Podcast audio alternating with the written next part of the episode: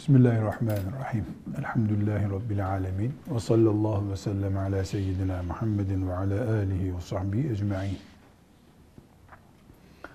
Şehvet hükümlerini ele alırken şehvetin fıtri olduğunu, dinimizin de fıtrat dini olduğunu, binaenaleyh şehvetlerle beraber ne kadar kulluk yapabilirsek Allah'ın o kadar rızasını kazanacağımızı vurguladık. Şimdi bunlar şehveti genel olarak tanımaktı. Şehvetin e, çok pratik bir şekilde karşımıza çıkan sonuçları da vardır. Bu derste işlemeyeceğiz. Hac konusunda önemli çünkü o. Orada karşımıza çıkacak. Mesela şehvet konusu haçla ciddi bağlantılı bir konudur.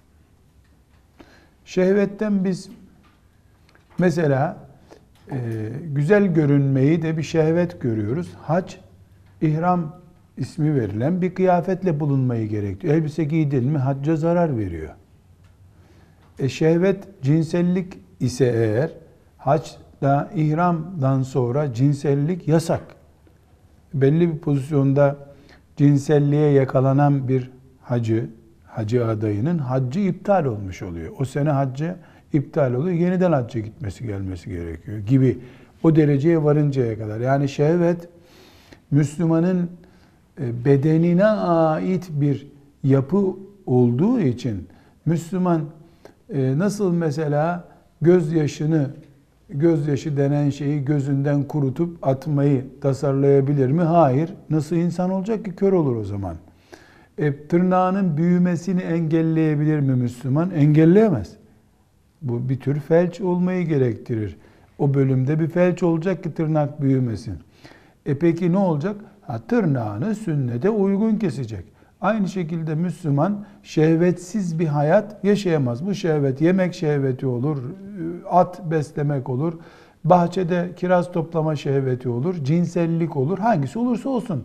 Şehvetlerimizi sıfırlayıp hayatı dindar yaşayacağız şeklinde bir kural koyamayız. Bilakis şehvetlerimizle beraber iyi mümin, salih ve salihe mümin olacağız. Bu şehvetlere esir olmadan şehvetleri disiplinle kullanmak anlamına geliyor. Dünkü dersimizin özeti buydu. Şimdi e, şehvetle ilgili en önemli konu şehvetin kışkırtılması meselesidir. Şehvetin hareketlenmesi de diyebiliriz. Çünkü şehvet insanın bünyesinde var. Ama gıdıklandıkça daha çabuk hareketlenir. Şehveti en çok göz, e, kulak ve dokunma yapımız yani temas e, şehveti hareketlendirir. Bilhassa e, bu yaşadığımız çağda gözün görme alanı bir asır önceki insanların çıldıracağı kadar yani onlar böyle aniden gelse mesela 100 sene önce ölmüş birisi çıkıp bugün e, göze sunulan ve şehveti kışkırtıcı niteliği olan e, işte hep medya diyoruz biz aslında medyanın dışında da bir isim bulmak lazım. Her şeyin göze hitap ettiği bir zamana geldik. Yani bir mağazadaki bütün renkler e, bir insanın erkek veya kadın kıyafetinde bulunabiliyor. 20 çeşit bir gömlek giyebiliyor bir insan. Böyle enteresan, rengarenk bir hayat yaşıyoruz. To, rengin tonlarının tonları çıktı ortaya. Şimdi bu hayata bu şekilde alışık olmayan biri birdenbire böyle bir şey görse cinlerin ortasına düştüm zanneder. Bu kadar büyük bir e, gelişme var. Hayır mıdır, şer midir? O bizim şu andaki dersimizin konusu değil. Şimdi bu e, hayatı, bugünkü hayatı değerlendirdiğimizde bilhassa göz ve kulağın çok korkunç bir şekilde şehvet kışkırttığını görüyoruz. Göz ve kulak. E, bu gözün e, açtığı yoldan kulak ilerliyor. Kulağın rahatlattığı zemin teması sağlıyor. El e, bu sefer temas ediyor. El de temas ettiği an e, Allah'ın haram ettiği şehvet suçları işlenmiş oluyor.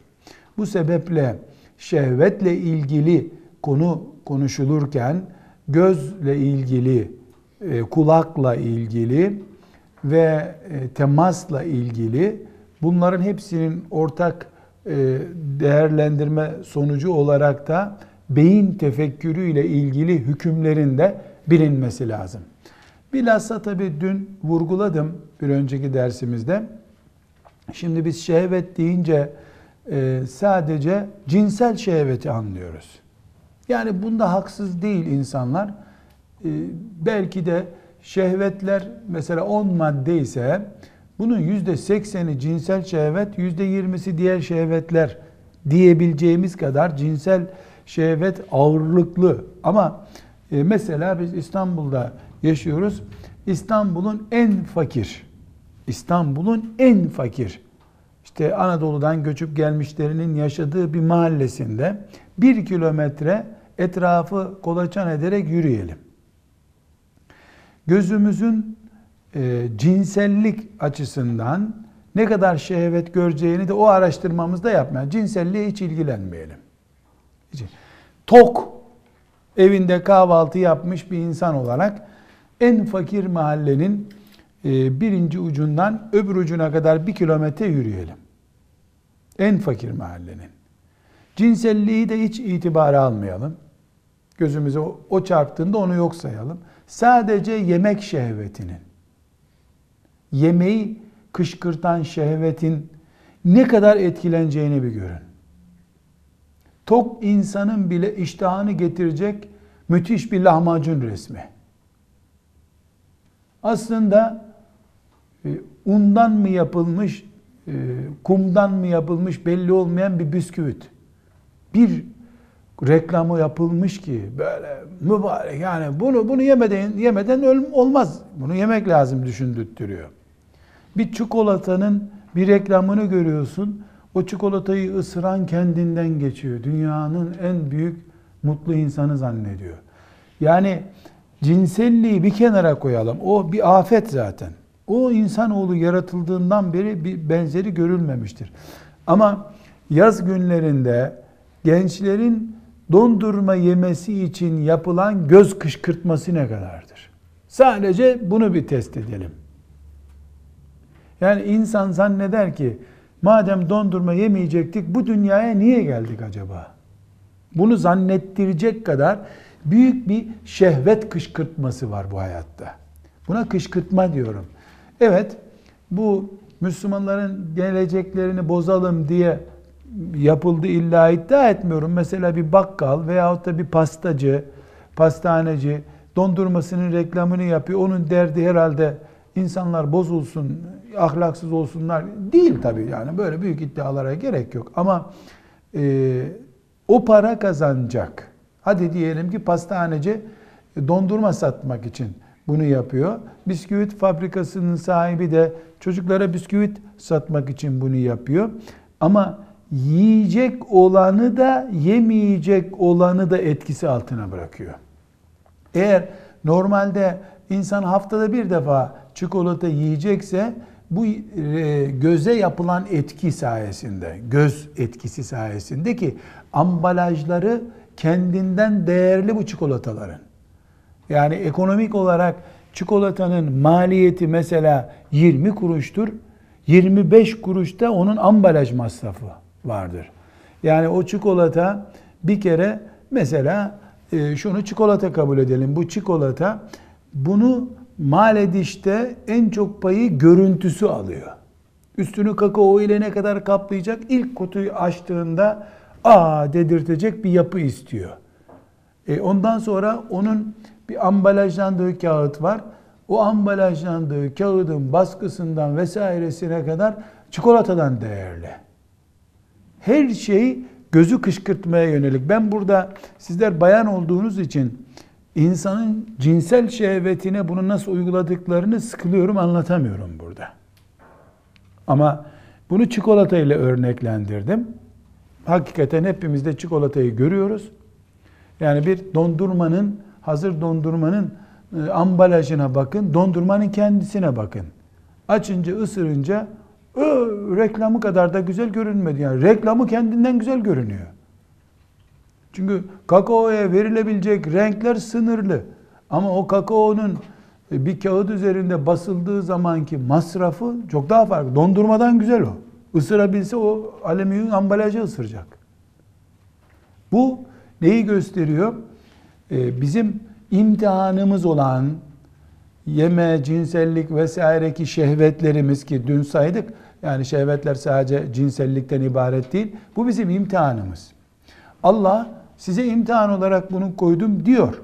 Amenna o sattakna Rabbimiz ne dediyse doğru zaten güzel o.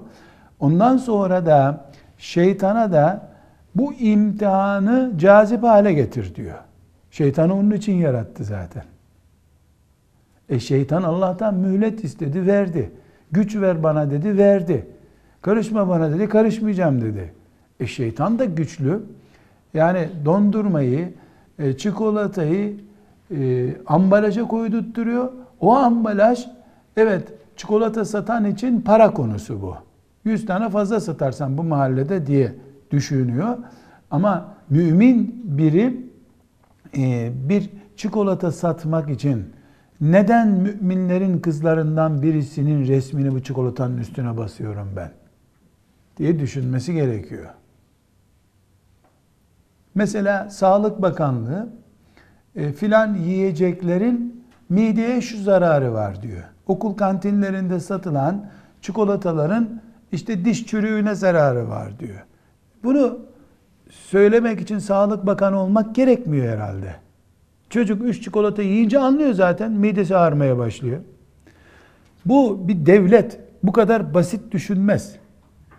Bu çikolatalar okul kantinlerinde, bakkallarda, marketlerde en cazip yerlere çocukların tırnağıyla ulaşacağı kadar yakın yere konan bu ıvır zıvır yiyecekler insanın yemek düzenini bozuyor mu bozmuyor mu? Çocuklar sabahleyin kahvaltı yapma ihtiyacı niye hissetmiyorlar? Okula giderken annesinin çantasına koyacağı uyduruk bir poğaçayı bekliyor çünkü. Onu okula giderken serviste yemek, sofraya oturup dünyanın en güzel kavurmasını yemekten daha değerli çocuğun gözünde. Çünkü şeytan da bir yandan sofra düzen sofra düzeni olmasın istiyor. Öbür yandan e, aile bir sofrada bir arada bulunmasın istiyor. Bunu yaparken de yarından itibaren herkes farklı yerlerde otursun demiyor. Olacak şeylerle, güzel şeylerle huzur dağıtmaya çalışıyor. O güzel şeylerden bir tanesi de e, işte ambalajlı bir yiyeceği aslında gıda değil, aslında ihtiyaç değil. Bilakis asıl gıdayı mesela bir insanın nişasta ihtiyacını, e, protein ihtiyacını fazlasıyla veriyor. Bir bonbon şeker dedikleri bir zaman onu bir yerde rastlamıştım. Yani yuvarlak böyle top gibi bir şeker var. Çocuklar yalayarak yiyor. Bonbon şeker herhalde onun adı. O şekerin bünyeye girdikten sonra 3,5 kilometre yürünmesi gerekiyormuş. Verdiği enerjiyi atabilmek için. E bu yemek değil, bir şey değil. Sadece serviste yalıyor onu çocuk. Hem e, okul bahçesinde oynuyor hem de onu yalıyor. Yani biz Müslümanlar olarak meseleye böyle e, mesela şu elimdeki kağıda şu şekilde baktığım zaman ben görebileceğim şey kağıdın bütünü bile değil şu kağıttaki ilk satırdır. Bir satırı görebiliyorum. Böyle baktığım zaman bu kağıdı ortalama görüyorum. Şöyle baktığım zaman kağıdın bütününü görüyorum. Şu şekilde baktığım zaman masayı görüyorum.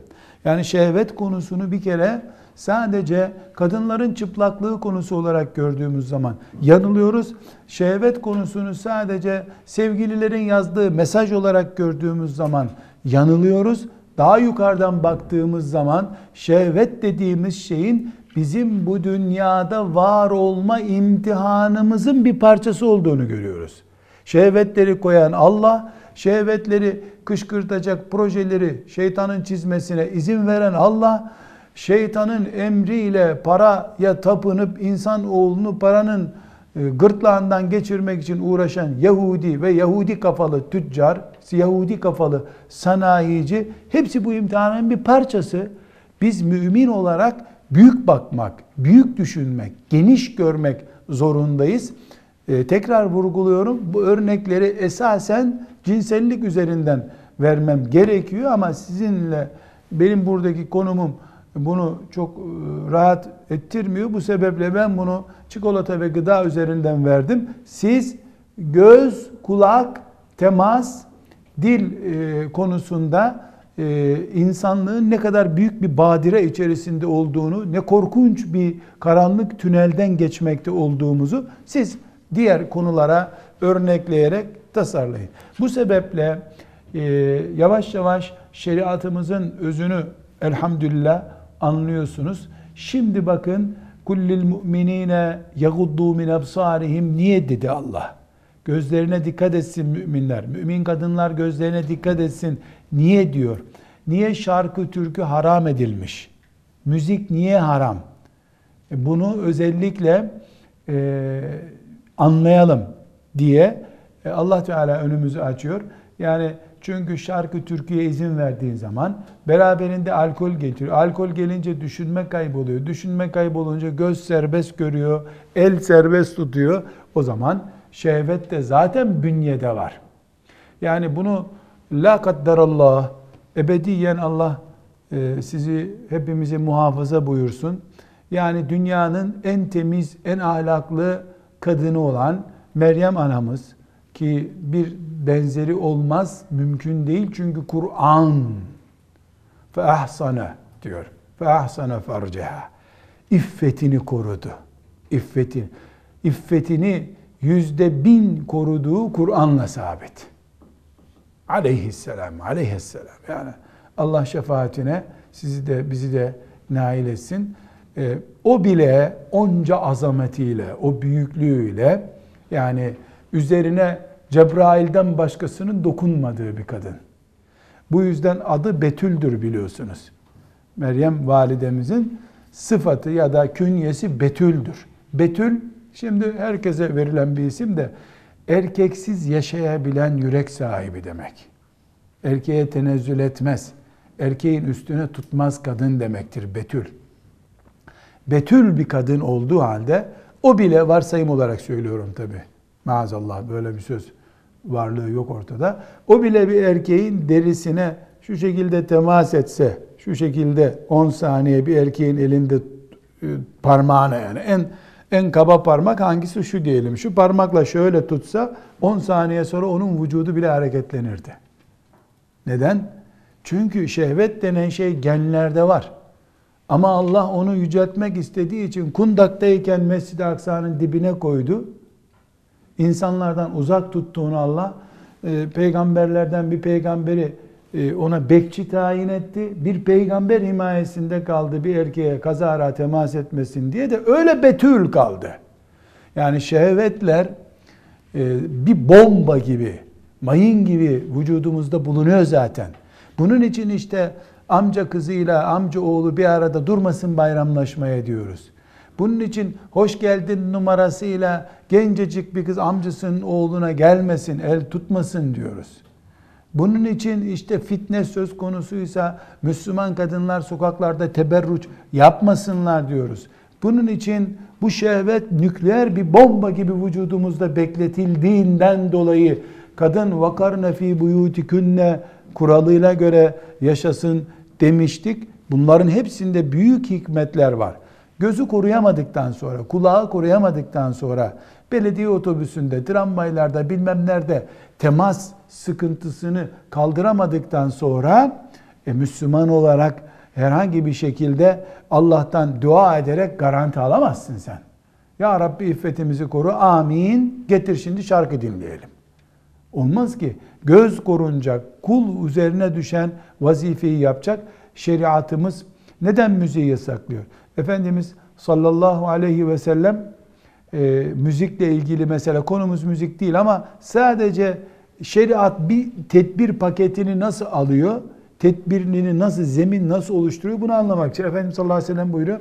Bir insanın kulağı, ağzı irinle dolması irin irin yaradan akan irinle dolması müzik sesiyle dolmasından daha iyidir buyuruyor. İbn Ömer radıyallahu anhuma Abdullah İbn Ömer Ömer bin Hattab'ın oğlu radıyallahu anhum cemiyen e, bir müzik sesi gibi bir şey duymuş. Kavala benziyor. Kulaklarını tıkatmış da gitmiş gitmiş gitmiş o sesin duyulmayacağını zannettiği yere kadar hizmetçisi de bu nere gitti filan diyor. Yanındaki bir hizmetçisi ya da yol arkadaşı o da orada duruyor. Ona işaretler etmiş. Bitti mi o kaval sesi diye. He he bitti demiş açmış kulağını. Yani bu kadar. Neden? Belki İbn Ömer gibi bir adam türkü dinlemiş olsa bile hemen zinaya gidecek hali yoktu. Hemen e, fuhuşa batacak hali yoktu maazallah. Ama şeriat bir kere sağlam bir zeminin üzerinde etüt yapıyor. Mümine önce sağlam yürek açıyor. Ondan sonra haydi bakalım şimdi Allah'ın rızasını kazanmak üzere yoluna devam et diyor. Demek ki e, şehveti bunları bütün bu mukaddimatı neden yaptım? Şehvetin altyapısının e, kontrol altında tutulması lazım. Bu bir bomba gibi, mayın gibi bizim vücudumuzda var. Her şehvet. Yemek şehveti, oynama şehveti, e, cinsel şehvet, ziraat yapma, ata binme vesaire. Şehvet ne ediyorsak bunlar bizim hepsi genlerimizde var. Erkeklerde ata binme fazla var. Kadınlarda da filan şey fazlalıkla var. Ama hepimizi Allah imtihanımız için gerekecek kadar donattı. Bu donanımla yaşıyoruz. Müzik kulağa gelir gelmez bütün vücut hareketlenir. Bunun en büyük belgesi nedir biliyor musunuz? Şimdi mesela bir Karadenizli. Elhamdülillah hayatımda ne elim değdi, ne kulağım değdi. Kasten bir saniye bile kast yani dinleyeyim diye bir saniyede dinlemedim. Rabbime hamdü senalar olsun. Karadenizli kemenceyi sever. Şimdi bana birisi cevap versin. Bir Karadenizli oturuyor. Veyahut da yürüyor. Kemence sesini duyunca niye löp löp löp eğri büğrü hareketler yapıyor? Kemence gelip onu dürtüyor mu bir yerden? Ne oluyor ona? Ha, müzik mayını hareketlendiriyor. Müzik bunun için yasak. E biz bunu İslamileştirdik. E, şarabı da İslamileştirirsin o zaman. ne kadar İslamileşirse. Bu, bu tip tuzaklara kapılmamak lazım. Şimdi e, bedenimizdeki şehveti hareketlendirecek şeyler neler olabilir ve bunların hükümleri nelerdir? Asıl fıkıh meselemiz bu bizim.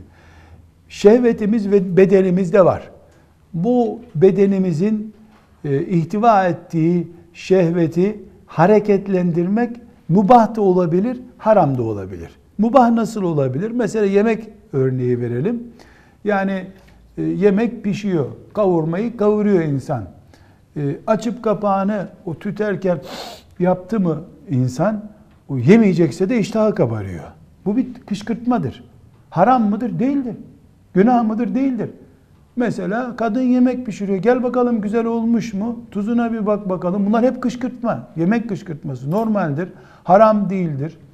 Ee, Ramazan değilse, oruç bozmak söz konusu değilse, tıka basa doyduktan sonra yemek için bu numaraları yapmıyorsa hiçbir sakıncası yoktur.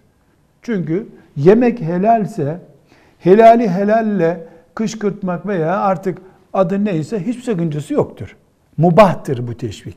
Aynı şekilde mesela cinsellik açısından baktığımızda e, nikahlanmış nikahlı karı kocanın birbirlerine yapacakları kışkırtma yüzde yüz helaldir. Belki de vaciptir. Belki de vaciptir. Farzdır. Farzdır da. Bir kadının nikahlı kocasını üzerindeki kıyafetiyle veya kıyafetsiz çıplak şekliyle çıldırtacak işler yapması vazifesidir zaten.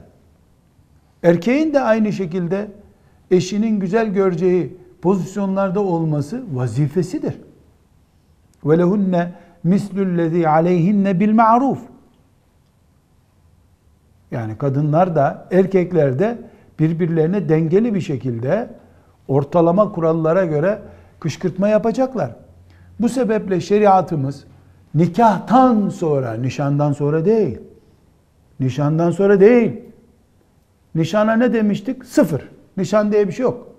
Yani uygulama olarak var ama nişanın matematiksel bir değeri yoktur. Sıfır gramdır nişan. Nikahtan sonra erkeğin kadına, kadının erkeğe bakmasının hiçbir ölçüsü yoktur. Bir erkek nikahlı eşinin, bir kadın nikahlı erkeğinin her yerine, neresine istiyorsa her yerine yüzde yüz bakma hakkına sahiptir. Haram değildir, günah değildir. Fıkıh kitaplarında ya da tasavvuf eksenli kitaplarda işte kadının e, avretine bakarsa erkek e, gibi şeylerin e, fıkıh ittifakı olan sözler olmadığını bilin. Bu konuda ahlaki, nezaket kuralları açısından bazı fukaha, Allah dostu veliler yani erkek erkekliğini bu düzeye indirmesin canım şeklinde tavsiyede bulunmuşlardır ama fıkıh kitaplarının e, ağır fukaha kurallarında kural şudur. Yecuzu nazaru kullim minez zevceyni ila cemii bedenil ahar. Fıkhın temel kaidesi budur. Eşlerden birinin diğerinin bedenine her şekilde bakması helaldir. Bitti. Kaide budur. E peki televizyon seyreder gibi eşini seyrediyor. Bu bir seviyesizliktir. Ya yeter akşama kadar bakma. Ya elbette böyle bir çizgi kural konur ama fıkhen fıkıh nedir zaten? Haram ve helallerin sınırlarını belirlemektir. Bu sınırların içinde böyle bir şey yoktur.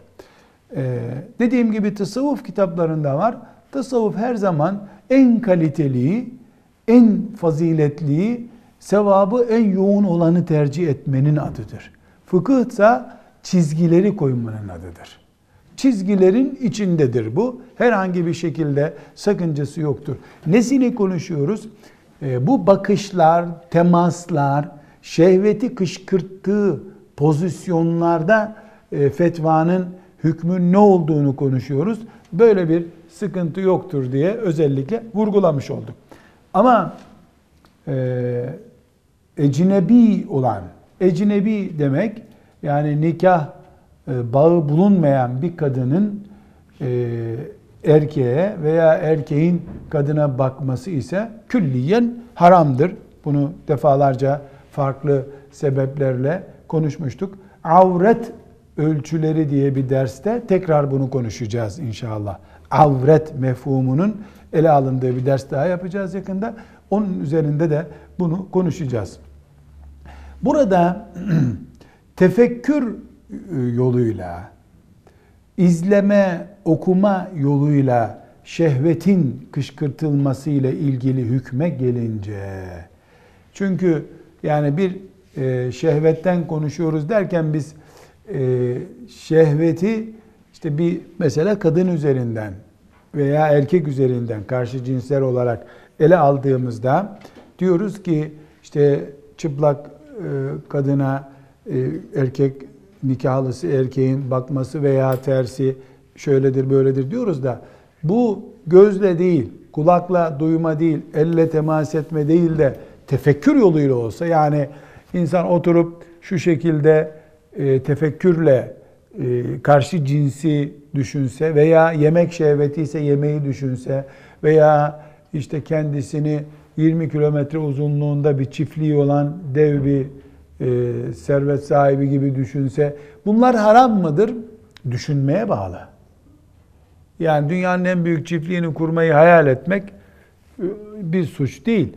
Ama e, yabancı bir kadını hayal etmek, yabancı bir erkeği hayal etmek dediğimiz zaman bu yani insanın e, zaten bünyesinde var olan şehveti tefekkür yoluyla, düşünce yoluyla kışkırtması, şehvetini hareketlendirmesi nedir?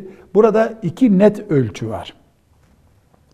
Birincisi bu tefekkürü e, sıfırlamak makul değil, mümkün değil.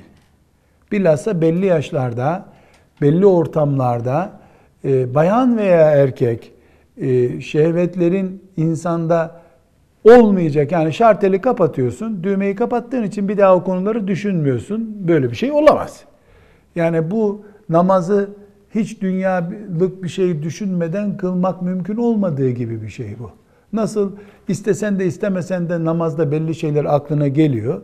Hayatta istesen de istemesen de belli e, şehveti kışkırtan şeyler muhakkak aklına gelir. Yani iftara yakın açken insanın aklına iyi bir döner gelir mesela. Bu bir haram değil.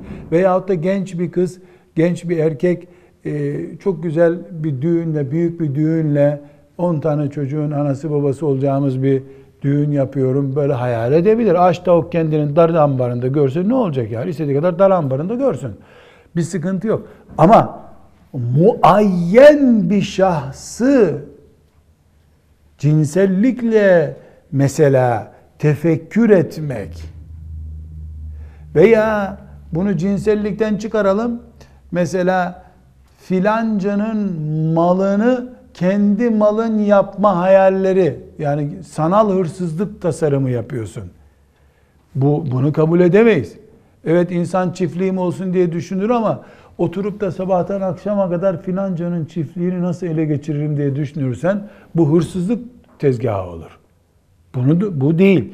Ee, bir gencin e, aklına evlilik, çocuk sahibi olmak, yatak odasının gelmesi, tamam sen gittin sen zındık oldun, aklına niye böyle şey geldi demiyoruz. Akıl çünkü insanın kendi elinde yüzde yüz kontrol edebildiği bir şey değil. Ama oturup resim yapar gibi A şahsı mesela tanıdığı filanca şahıs var, onun üzerinden haram sahneler tasarlıyor. Ee, erkek veya kadın, erkek için de kadın için de e, mümkündür bu. Böyle bir şey olabilir. Buna beyin jimnastiği ile cinselliği kışkırtma diyoruz.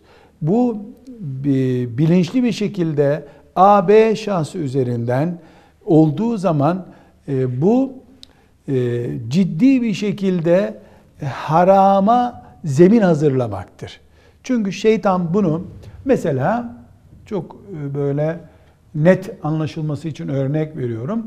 A isimli e, delikanlı B isimli bir kızı yani A da belli kim olduğu B de belli. B filanca onun amcasının kızı veya filan yerde apartmanda oturan e, komşunun kızı onu e, kendisiyle müstehcen bir sahnede beraber tasarım yapıyor kafasında. Bilerek bunu büyütüyor. Yani e, insanın bir sevgili hayal etmesi elinde olmayan bir şey.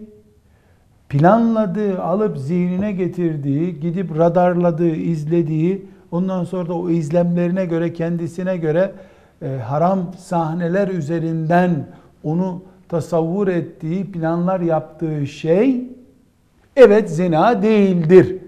Zinanın kuluçka süreci olduğu için caiz de değildir. Çünkü zina yumurtası olmadan civcivleşmeyen bir şeydir. Önce yumurtası gelir insanın avucuna.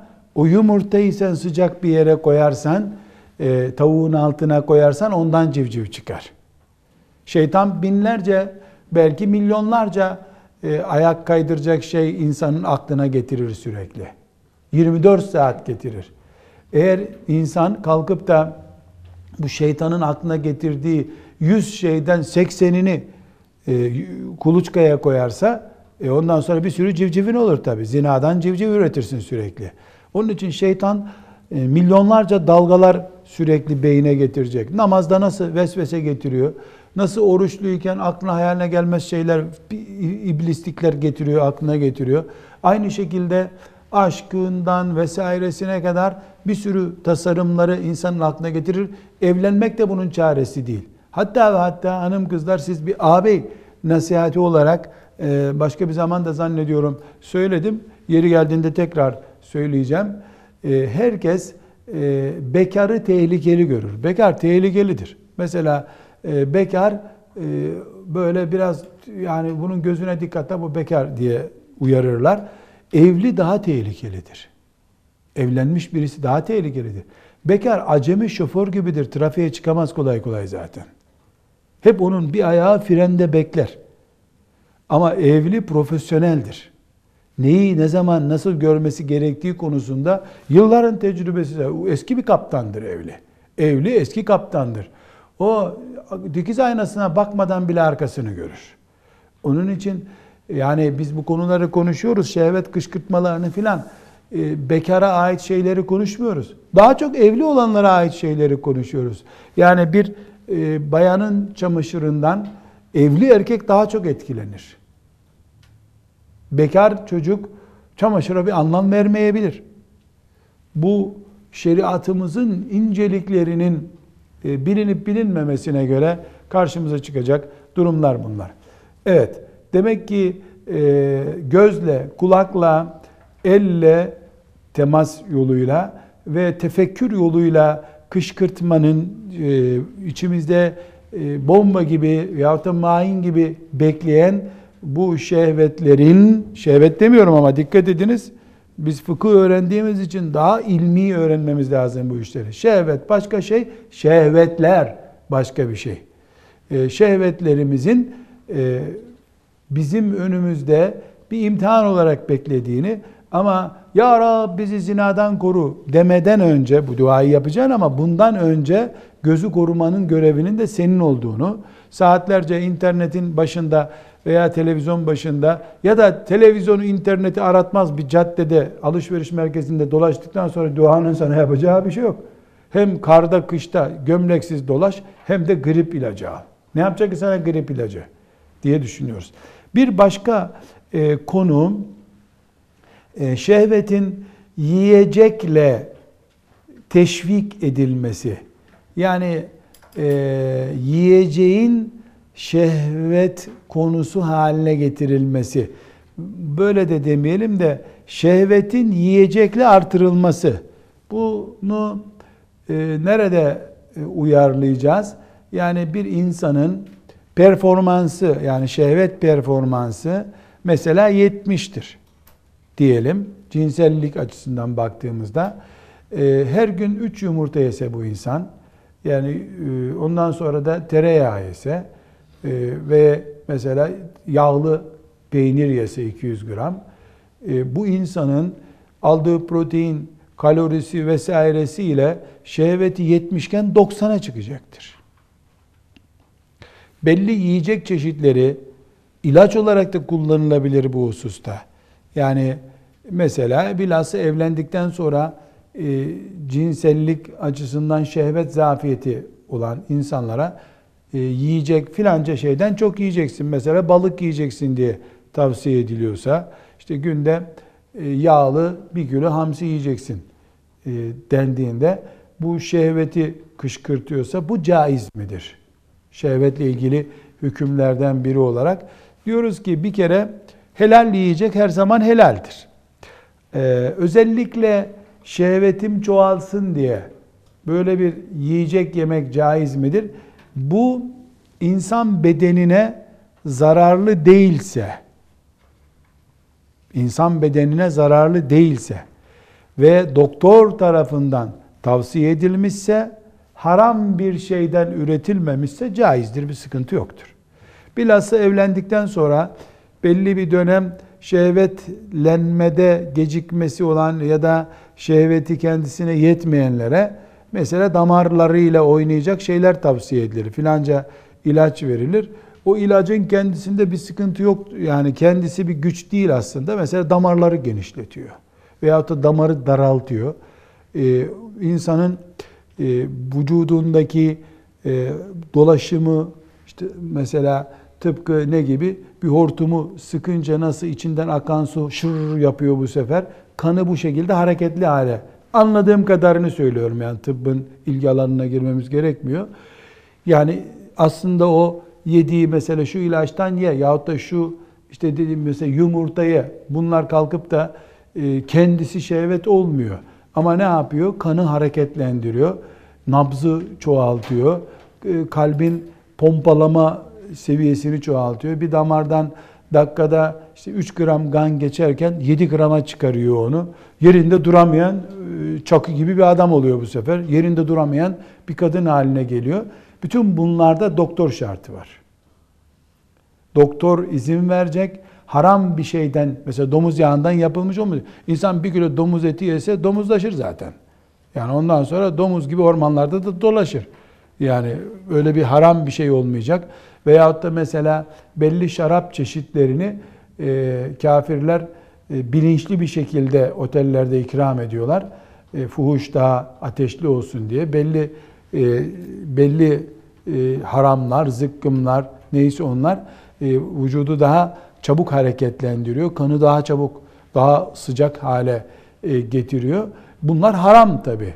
Bunun dışında yiyecekle şehvetin e, hareketlendirilmesi e, herhangi bir şekilde e, sakıncalı değildir. Bir başka başlık e, şehvet hükümleriyle ilgili olarak şehvetin kırılması, şehvetin düşürülmesi için bir uğraş yapmak gerekir mi? Burada tekrar yukarıdaki konuya dönüyoruz. Şehvet fazlalığı diye bir sıkıntı olabilir insanda. Yani Anadolu ifadesini kullanıyorum. Benim kendi Türkçem değil. Kudurabilir insan. Bir tür kudurabilir. Kudurma nedir? Yani yerinde duramıyor, patlıyor. Patlıyor olabilir. Yani evli olduğu halde evlilik de ona yetmiyor olabilir. E, bu bir tedaviyi gerektirir şüphesiz. Ama tıbben yapılacak bir şey yok. Senin karakterin böyle dendiği zaman e, belli yöntemlere e, başvurması e, caiz midir? Caizdir. Bir kere oruç geçici de olsa bir yöntemdir. Bu tip insanlar cumartesi, pazar günü tatil yaptıkları gibi pazartesi, perşembeyi de oruç tutup e, iftarda normal yemek şartıyla. İftarda günün intikamını aldıktan sonra oruç oruç değil zaten. İftar etmek orucu açmak demektir. Yemek yemek değildir. Yani 15 saat aç kalıp ondan sonra da 15 günlük yemek yedin mi onun orucun bir kıymeti yok zaten. O zaman oruç oruç işte, e, işte iş yapılmış olur. Öyle değil. E, oruç tavsiye edilebilir. E, ancak gerek erkeğin ve gerekse kadının cinsel organına kalıcı müdahale haramdır. Kalıcı müdahale ne diyor? Mesela erkeğin e, yumurtalarının ezilmesi, kısırlaştırılması, kadının kordon e, bağlatması e, gibi e, uygulamalar kalıcı uygulamalardır. Yani bunun bir daha geri dönüşü yok. Yani musluğu kapatıyorsun da iki gün sonra açıyorsun musluğu. Bunlar caiz şeylerdir. Bu kesinlikle haramdır. Böyle bir şey ne kadın ne erkek yapabilir asla caiz değildir. Bu yapıldığı zaman e, iyi bir istiğfar ve ölünceye kadar gözyaşı gerekir. Haram çünkü. Bildiğimiz haram. Alkol gibi, domuz eti gibi haram bunlar. Yani tekrar vurguluyorum. Şehveti kırıcı müdahaleler olabilir. Yiyecek olabilir. Mesela filanca e, yani ben e, bilerek söylemiyorum. Patlıcan şehveti azaltıyormuş sebze şehveti azaltıyormuş. Doktor evet azaltır diyorsa böyle bir uygulama yapabilir. 90 olan ateşini 70'e düşürebilir. Bir sıkıntı yok. Spor şehveti azaltabilir mi? Azaltır. Çünkü şehvet daha ziyade oturanların büyüttüğü bir kuzudur. Oturan insanın şehveti büyür. Öyle akşama kadar alnının e, terini silmeye vakti olmayanın şehvete de vakti olmaz. Firavun le'anehullah ee, Musa aleyhisselam doğmasın diye ne yapmıştı? Taş taşıttırmıştı Mısırlılara. Yani akşama kadar taş taşıyacaksınız demişti. Akşama kadar taş taşıyan akşam evde karısını hatırlamaz diye düşünmüştü. Fakat Allah'ın planı yanında onunkinin bir sivrisinek kanadı bile etmeyeceğini anlayamamıştı zavallı kafir. Zavallı. Küfründe battı gitti. Ee, yani çalışan insan tembel insana göre daha az şehvet sahibi olur. Gıdaya dikkat edilir, spor yapılır vesaire. Herhangi bir şekilde e, bu şekil bu şehveti kırmak, düzeyini düşürmek caiz midir? Caizdir. Erkeğin veya kadının erkeğin veya kadının cinsel organına kalıcı müdahale ise haramdır. Kalıcı müdahaleyle ne kastediyoruz? Yani şimdi şunun şöyle açılması kalıcı bir müdahale değil. Bu böyleydi, böyle yaptık. Böyleydi, böyle yaptık olur. Geçici müdahale bunlar. Ama bu müdahaleyi şunu koparıp kırıp gözlüğü bu hale getirdin mi? Kalıcı müdahale yapmış oldun. Kolsuz hale getirdin bunu. Yani insanın parmağını kesip atmak gibi bunlar haramdır. Adem oğlu üzerinde haramdır bu. Hayvanlarda yapılması caiz olabilecek durumlar vardır. Bazı hayvanların kısırlaştırılması caizdir. Şehvetle ilgili e, hükümlerden en önemli konuşmamız gereken hüküm evliliğin ki şehvetin tek helal menfezidir. Şehvet içimizde yüklü olan şehvet elektrik dalgalarının e, tek helal e, giderilme, tatmin edilme menfezi evliliktir, nikahtır. Nikahın hükmü de şehvet açısından çok önemli. Biz nikah derslerini yaparken inşallah geniş geniş bu konuları konuşacağız. Onlarca nikah dersi yapacağız inşallah. Ama e, şu anda karşımıza çıkacak olan e, hüküm şu. Şiddetli şehveti olan birisi olur. Yani biraz önce kullandım. Çok hoş bir kelime değil de Anadolu'da çok kullanılan bir kelime. Kudurur insan. Kız veya erkek kudurur. Patlıyor ya, çatlıyor. Balon gibi delsen bir yerinden bum diye patlayacak. O hale gelebilir. Bir böyle insan var. Bir de yani normal işte bir sıkıntısı olmayan bir delikanlı, genç bir hanımefendi öyle olabilir. Bunların hükümleri nedir evlenmek açısından? Şimdi e, şiddetli şehveti olan bir erkek veya kadını düşünelim. Bu şiddetli şehvetin şiddet ölçeği haramdır. Şimdi normal bir e, Müslüman e, haram olan şeye bakmıyor. Ama son zamanlarda internete takılmaya başladı. Bu şehvetin bastırmaya başladığını gösteriyor. Önceleri bir saat bakıyordu internete, iki saate çıktı, üç saate çıktı. Şehvet büyümeye başladı, büyüyor şehvet. Ucunun zinaya doğru gittiği belli olmaya başladı. İşte objektif bir gözle bakıldığında onun kendisine göre bir şey yoktur zaten. İnsan olayın içinde bir şey anlamıyor. Anlamaz. Ama dışarıdan annesi, babası, arkadaşları, kardeşi veyahut da kendisi bir nefis muhakemesi yaptığındaki bir değerlendirmesinde bir sene önceye göre bu gidişatın zinayı normal görmeye doğru gittiğini anlarsa zinaya düşerse demiyoruz çünkü Allah zina yapmayın dememişti de ne buyurmuştu? Zinaya yaklaşmayın buyurmuştu. Yaklaştıktan sonra zaten fırtına koptu. Zinaya yaklaşma riski görüldüğünde evlilik farzdır. Ne anne, ne baba, ne okul, ne diploma, ne hac hiçbir şey evliliği engelleyemez o zaman. Hacca gidilmeyecek, evlenilecek. Okul, mokul hepsi bitecek. Hafızlık bırakacak. Arapça okuyordu, fıkıh okulundaydı, hepsini bırakacak. Çünkü neden? Çünkü müminin bir numaralı vazifesi haramlardan kaçmaktır. İki numaralı vazifesi Allah'ın emirlerini yerine getirmektir. Haram varken Allah'ın emri yerine gelmiyor zaten. Pencereleri açık bir oda ısınmaz. Pencereler kapatılınca küçücük bir sobayla oda ısıtılabiliyor. Gökyüzünü ısıtmak mümkün olmadığı gibi insan haramla iç içeyken de ibadet yapıp sevap kazanması mümkün değil. Haramlardan korunmak bir numaralı görev, Zina en büyük haramlardan bir tanesi. İlk şirkten sonraki, cinayetten sonraki üçüncü büyük haram. E o zaman müminin en büyük vazifesi zinadan korunmaktır. Zinadan korunmak, nikahlanmaktan başka bir yolla mümkün olmadığına göre Müslümanın nikahlanması farz olmuştur. Çünkü zina haramdır. Haramdan korunmanın yöntemi neyse o da farzdır. Kuralımız böyle. Haram, zina haramdır. Haramdan iki türlü korunabilir. Bir, erkeklik veya cinsellik organını köreltir. E bu haram zaten. Dokunmak yasak demiştik. İki, nikahlanacak. E, nikahın alternatifi var mı? Alternatifi yok.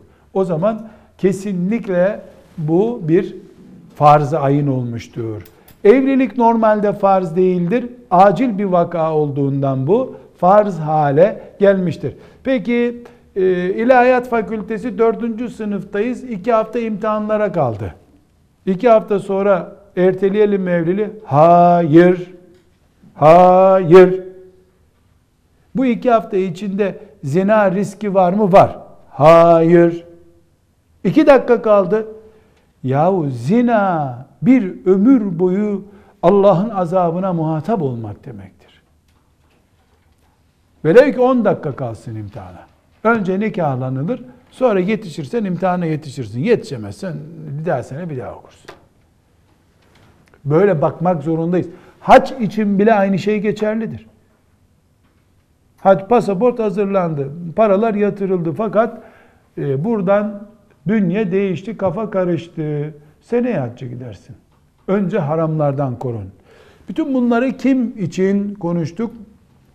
Kudurma düzeyine, Anadolu deyimiyle kudurma düzeyine gelmiş bir e, şehvet patlaması için konuştuk. Normal durumdaki erkek ve bayan içinse evlilik sünnettir biliyorsun. Nikahlanmak sünnettir. Ama sıradan bir sünnet değil. Peygamberlere verilmiş ve lekad erselna rusulen min kablike ve cealna lehum ezvacen ezvacen Peygamberlerin şan ve şerefinden bahsederken Allah şan ve şereflerinden biri olarak hanımları da vardı diyor. Demek hanımlı olmak şan ve şeref olarak peygamberlerle aynı koridorda yürümek demek. Hanımsız birinin yani eşi olmayan birinin e, peygamberlerle aynı koridoru paylaşması çok zor. وَلَقَدْ اَرْسَلْنَا رُسُلًا مِنْ قَبْلِكَ وَجَعَلْنَا لَهُمْ اَزْوَاجًا وَذُرِّيَّةً Kadınlar da bakarken peygamberlerin şerefi olmuş bir nesne olarak kendilerini görmelidirler. Tabi görebilen için. Ee, burada önemli bir soru fıkıh kitaplarında var. Ee, dolayısıyla burada zikretmem gerekiyor. Kendi görüşümü de daha sonra belirteceğim. Fukahaya ilave olarak değil. Çağımın e, insanı olarak. Bu sözleri yazanlar Bağdat'ta yazdılar. Şam'da yazdılar bin sene önce. Biz şimdiki dünyada yaşıyoruz. E, belli şeyleri biz onlardan daha iyi anlıyoruz fitneyi, fesadı. Göz, olayın içindeyiz çünkü. Maazallah. E, bir mu'tedil insan, sıkıntısı yok. Öyle kudurma mudurma yok. Peki bu insan alternatifleri var. Bir, evlenip evlendikten sonra hem tasavvuf derslerine bakacak hem de ilimle meşgul olacak bir hayat da çizebilir. Evlenmeyip kendisini ibadete, cihada ve ilme de verebilir. Hangisini tercih edeceğiz? Yani yukarıdaki bir önceki örnekte ilim milim bir şey yok dedik. Hafızlığı falan bırak bırak bırak. Haccı her şeyi bırak evlen çabuk dedik. Ama bu dengeli bir insan. Öyle bir kudurmuşluğu yok. Normal. Bu evlilik vakti de uygun. Nikahlanmak için de fırsat var. Ama kendimi ilme mi vereyim? Yoksa e, hem evleneyim hem yapabildiğim kadar ilim mi yapayım diye e, tercih. Yani evliliği sıfırlıyor aslında. evlilikle beraber bir ilim mücadelesi yapmak bir alternatif.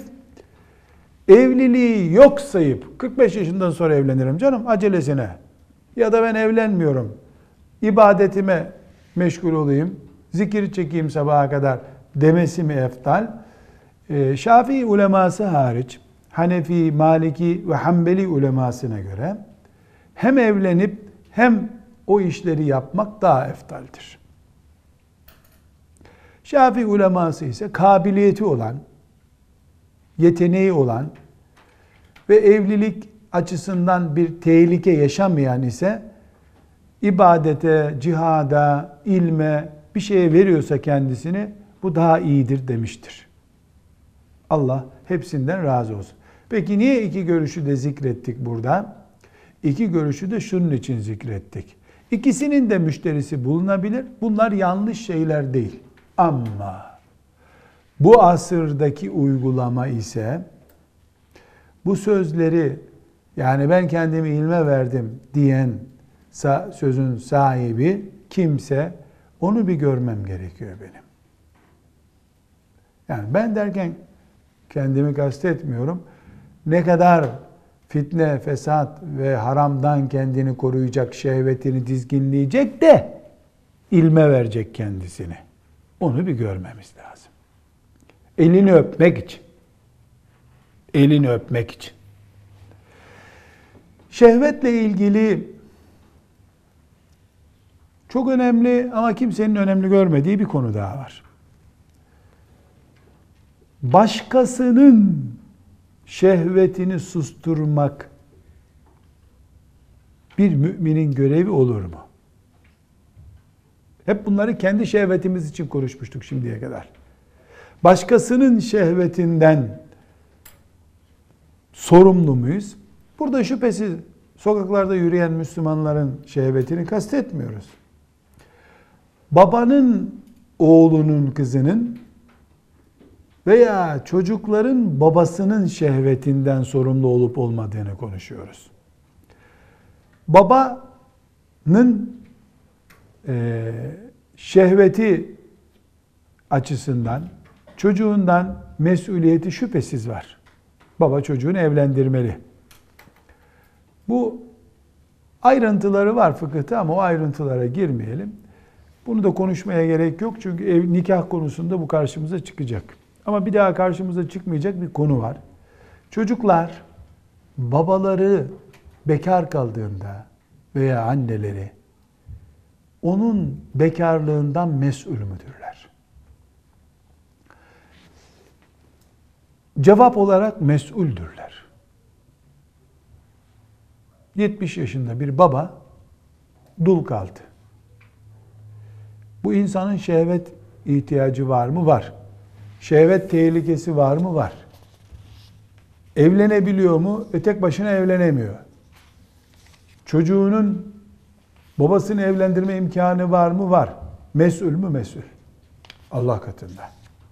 Burada hanım kızlarım size bir ağabey, baba, amca nasıl anlayacaksanız nasihatim olsun. Anadolu'da şöyle bir örf var.